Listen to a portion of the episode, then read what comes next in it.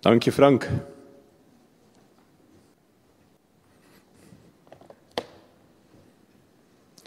Goedemorgen. Ik, uh, ik werk in het onderwijs en dat is elke dag anders. En uh, dit wordt ook weer anders. Het, het, ik merk het gewoon aan alle kanten, de hele ochtend hier al. Er gebeurt van alles. God raakt mensen aan tijdens de aanbidding.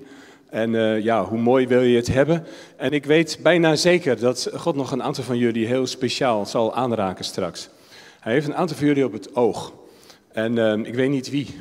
Uh, soms laat hij het me zien, maar ik weet het niet. Maar ik wil je echt aanmoedigen om je zo super vrij te voelen in, in deze zaal, in de setting waarin we hier zitten met elkaar. Dat je zo meteen uh, opstaat en rond gaat rennen, of naar voren komt, of ik weet het niet. Ik, we gaan het zien. Um, ik ben ervan overtuigd dat wat er tijdens de aanbidding gebeurde, uh, gebeurt straks weer. En het komt alleen maar, lieve mensen, omdat Gods geest vanmorgen uh, de zaak weer op zijn kop zet. Um, en als iemand dat weet, ben ik het, want ik heb drie preken voorbereid. Uh, en het wordt geen van drieën. Nee. En wat het wel wordt, ik moet je heel eerlijk zeggen, ik weet het niet. Nee. En dat meen ik oprecht. Dus ik, ik, ik ga wat dingen zeggen. Ik ga wat, wat, natuurlijk wat dingen die ik voorbereid heb over het leven van Gideon. Maar ik heb uh, echt de indruk dat God er een draai aan gaat geven die ik ook nog niet weet. En dat heeft ook te maken met die vrijheid. Heel mooi, zoals Daniel dat vanmorgen tijdens de, de al, al noemde, hoe hij het neerzette. En uh, uh, vrijheid en wat we gezongen hebben, freedom is in this place. Daar geloof ik in. Maar als je God en de Heilige Geest vrijheid geeft, is dat ook best wel gevaarlijk. Want dan gaat hij iets doen. Hij gaat komen, mensen aanraken, gaan dingen meemaken, bovennatuurlijke dingen. En uh, ja, ik wil daarbij zijn. Dus we gaan het zien met elkaar. Ik wil eerst voor jullie bidden. Er wordt heel veel uh, voor elkaar gebeden en er wordt voor mij gebeden, maar ik ga voor jullie bidden. En ik ga jullie zegenen op dit moment dat je in staat zal zijn om de Heilige Geest te ontvangen, die hier is. Die hier de hele ochtend al is, al voordat wij hier waren. En dat je hart open zal zijn om Gods Geest vanmorgen door je heen te ervaren, door je heen te laten voeden, je aan te laten raken waar dat nodig is, want Hij heeft het al voorbereid. Voordat jij hier kwam. Misschien was je wel onrustig vanmorgen, wat je vroeg wakker of, of... Dat is Gods geest, lieve mensen. En ik, ik weet gewoon zeker dat een aantal van jullie vanmorgen anders zal vertrekken dan hij hier gekomen is. In de naam van Jezus. Dus stel je open, laat Gods geest tot je komen. Nou, als er iemand was die uh, anders uh, wegging dan dat hij kwam, dan was het Gideon. En um, de, de, boodschap van Gideon, ja, nogmaals, is een hele lange preek, dus dat wordt hem niet vanmorgen. Uh, misschien ga ik dat nog een keer een andere keer doen. dan start ik gewoon om half elf, koffie erbij. En dan ga ik jullie het hele verhaal vertellen. Um, Gideon was een richter. Um, ik, ik, ga de, de, de Bijbelse details, zeg maar even, die ga ik een beetje achterwege laten. Want dan wordt het verhaal echt veel te lang. Maar ze zijn wel. Uh, trouwens, sorry Andrea. Andrea wordt nu een beetje gek voor mij. Want ik heb bepaalde dingen aan haar doorgegeven. En dat gaat ze projecteren of niet. Want het hangt er vanaf wat ik ga doen en wat ik ga zeggen zo meteen. Maar ik hou sowieso van je.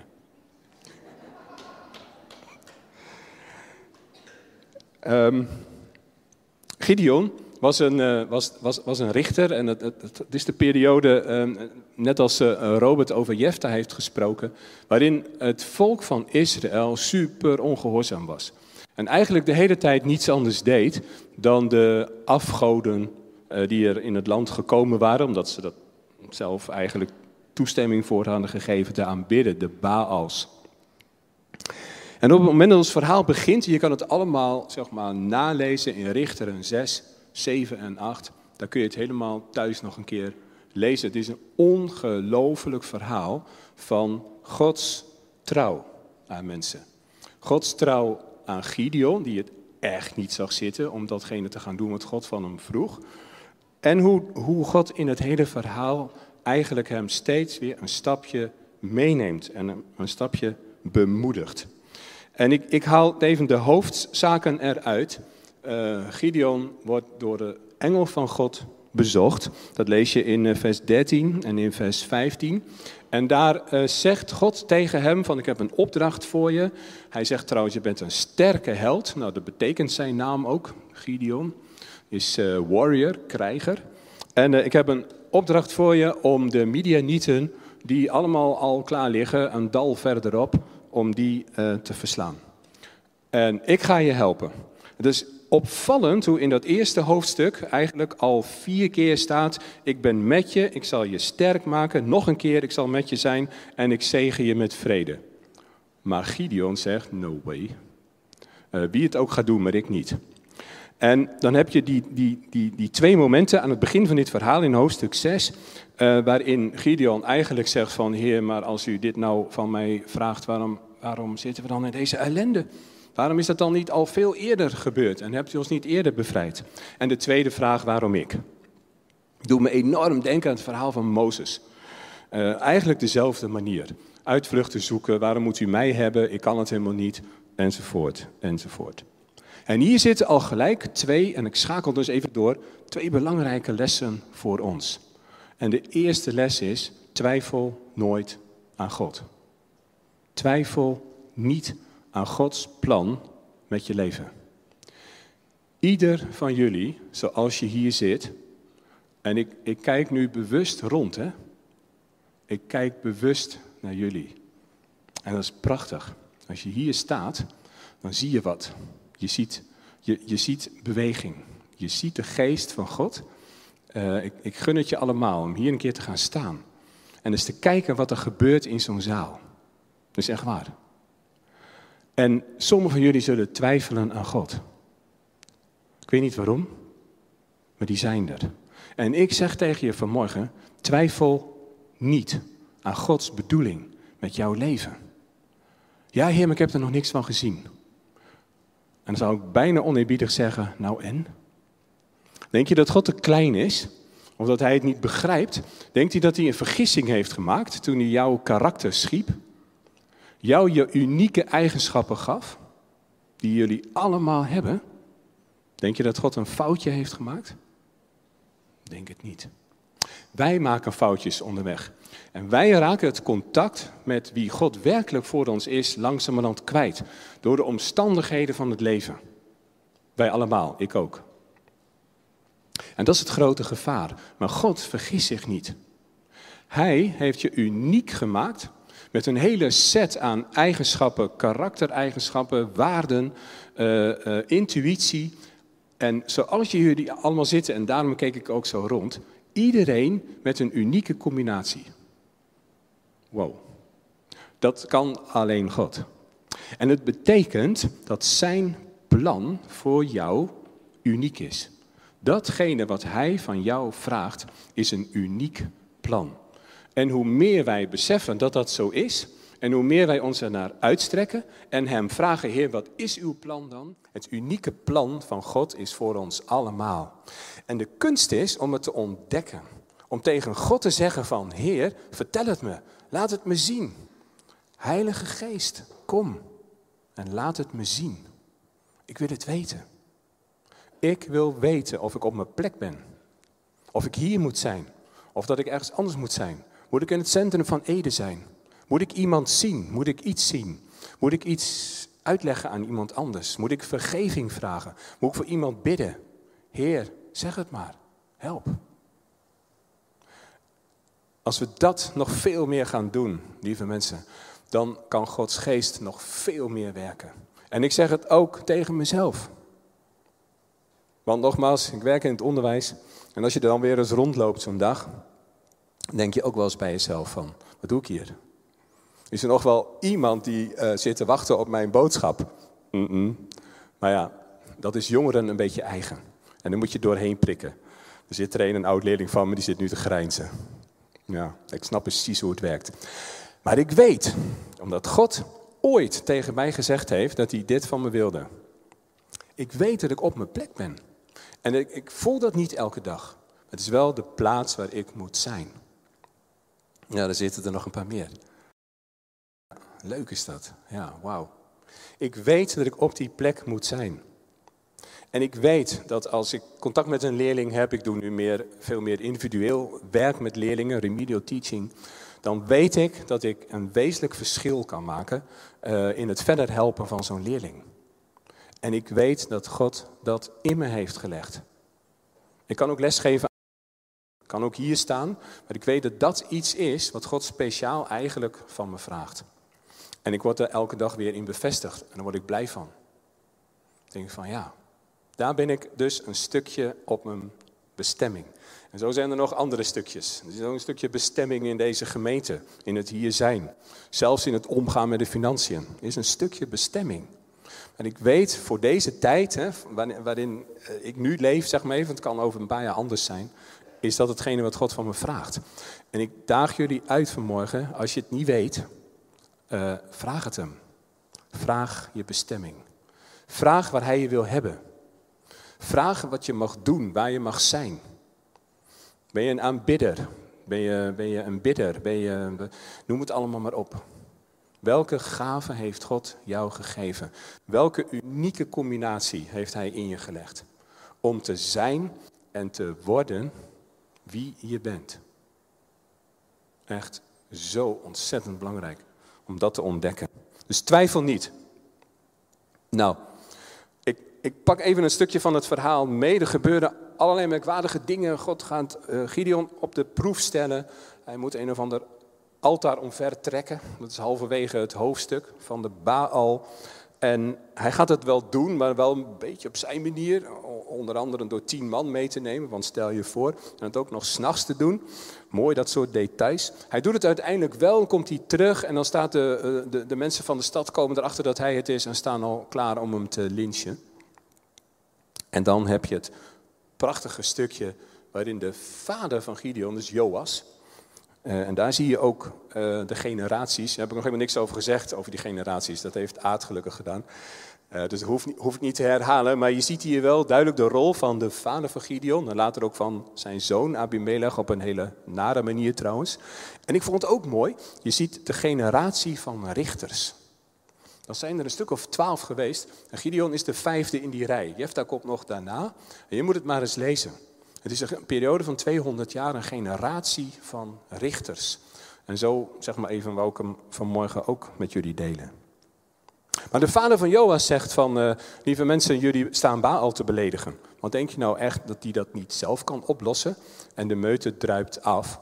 En uh, dan staat er zo mooi dat op dat moment uh, Gideon een andere naam krijgt. Jere Baal. En heel vrij vertaald betekent dat, laat Baal dat lekker zelf doen. Ik, ik, vind dat, ja, ik vind dat zo bizar eigenlijk. Maar dat staat er. Zo gaat het verhaal.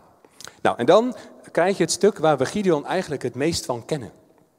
Want Gideon maakt zich klaar en hij roept een eh, leger op de been. En hij weet wat hij moet doen. En hij gaat met 32.000 man uh, op de Midianieten af. En we weten uit de verdere hoofdstukken in Richteren dat die met 135.000 soldaten waren. Dat is uh, vier keer zoveel. Dus dat is nogal een behoorlijk verschil.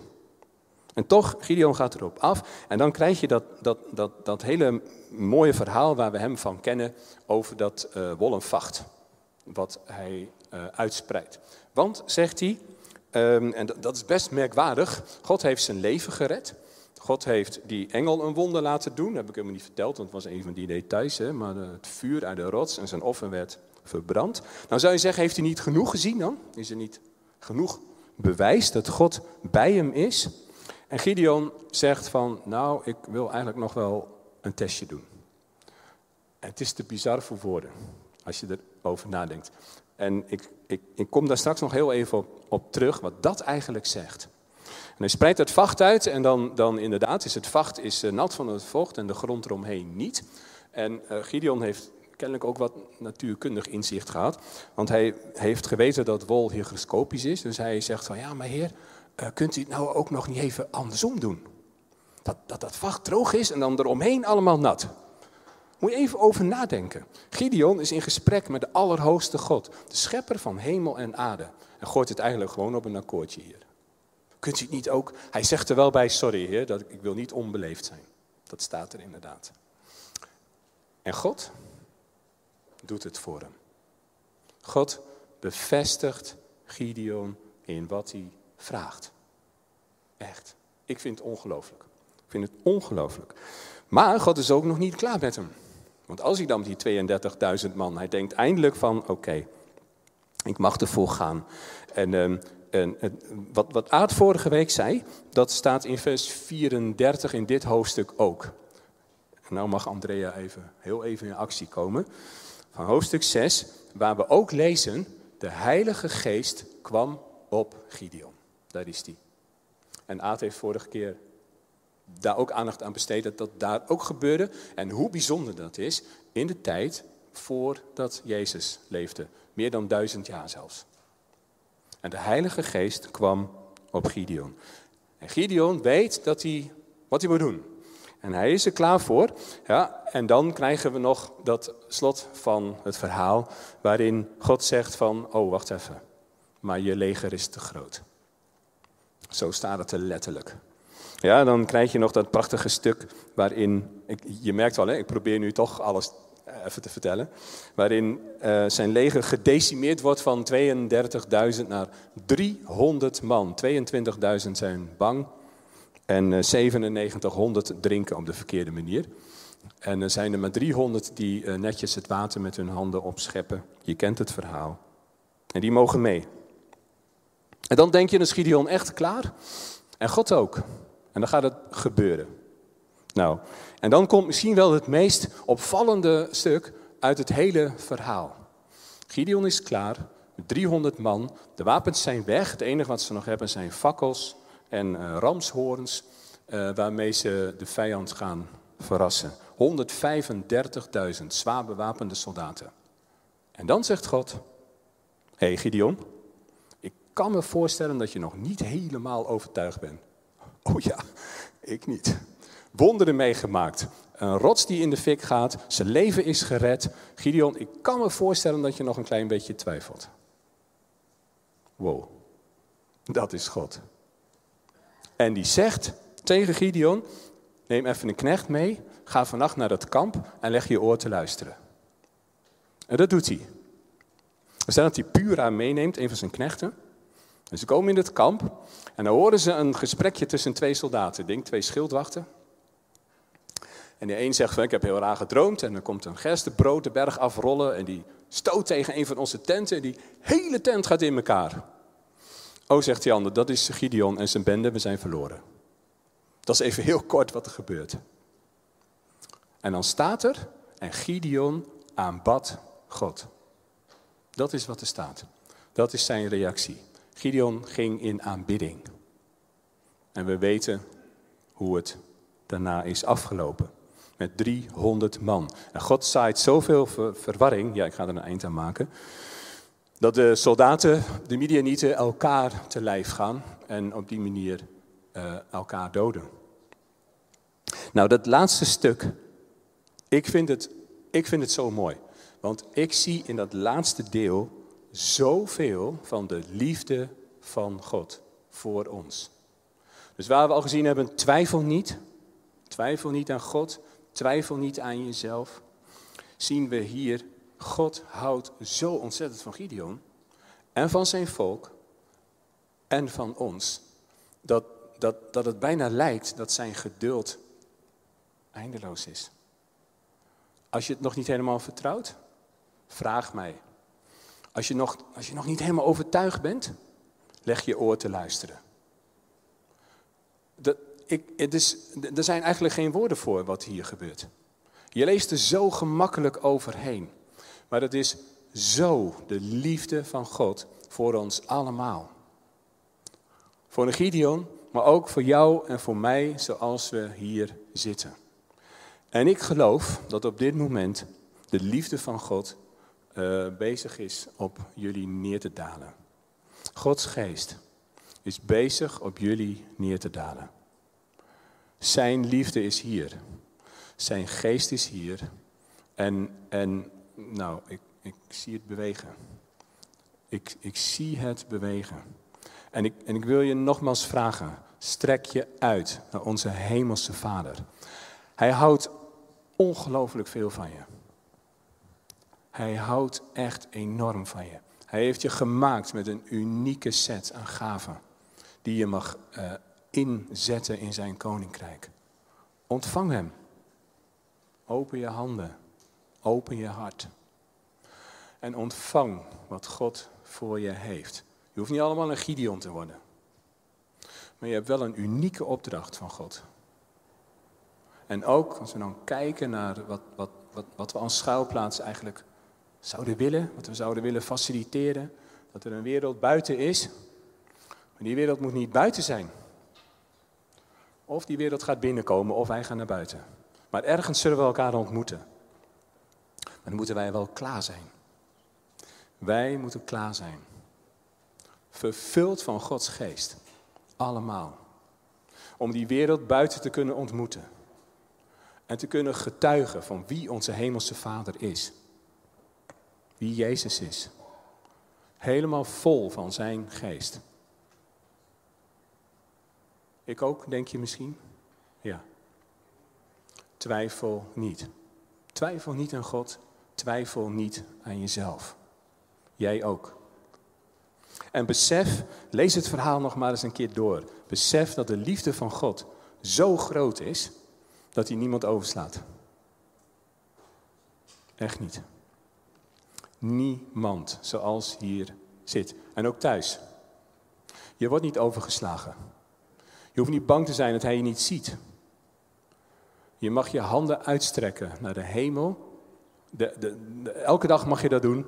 Als je opstaat, als je weer naar bed gaat, of je op je werk bent of thuis, strek je handen uit naar de hemel. En vraag God, Heer, wat hebt u voor mij? En een, en een kleine ontmoeting op een dag, gevuld met de Heilige Geest, kan, kan een enorm verschil maken. Voor jouw leven en voor het leven van degene die je op dat moment voor je hebt. Eén woord, één blik, een gebed in stilte. Het kan een enorm verschil maken. Maar je moet je handen open hebben. Je, je, je moet opstaan en op je fiets zitten met je, met je handen geopend. Heer, werk door mij heen vandaag. Ik zegen jullie daarmee op de plek waar je bent. Ik zegen je met Gods geest. We gaan zo nog een lied zingen. Ik heb het veel te lang gemaakt, sorry daarvoor. En, ehm, maar ik, ik, ik, ben bewogen over wat Gods geest wil doen. Uh, en, en dat we daarin gewoon allemaal een rol hebben. Allemaal, zoals we hier zitten. Wees gezegend. En ga op weg met deze God. En dan gaan grote wonderen gebeuren. Heb je gebed nodig? Kom, kom bij een van ons. Uh, voel je vrij. We gaan nog een lied zingen. Frank.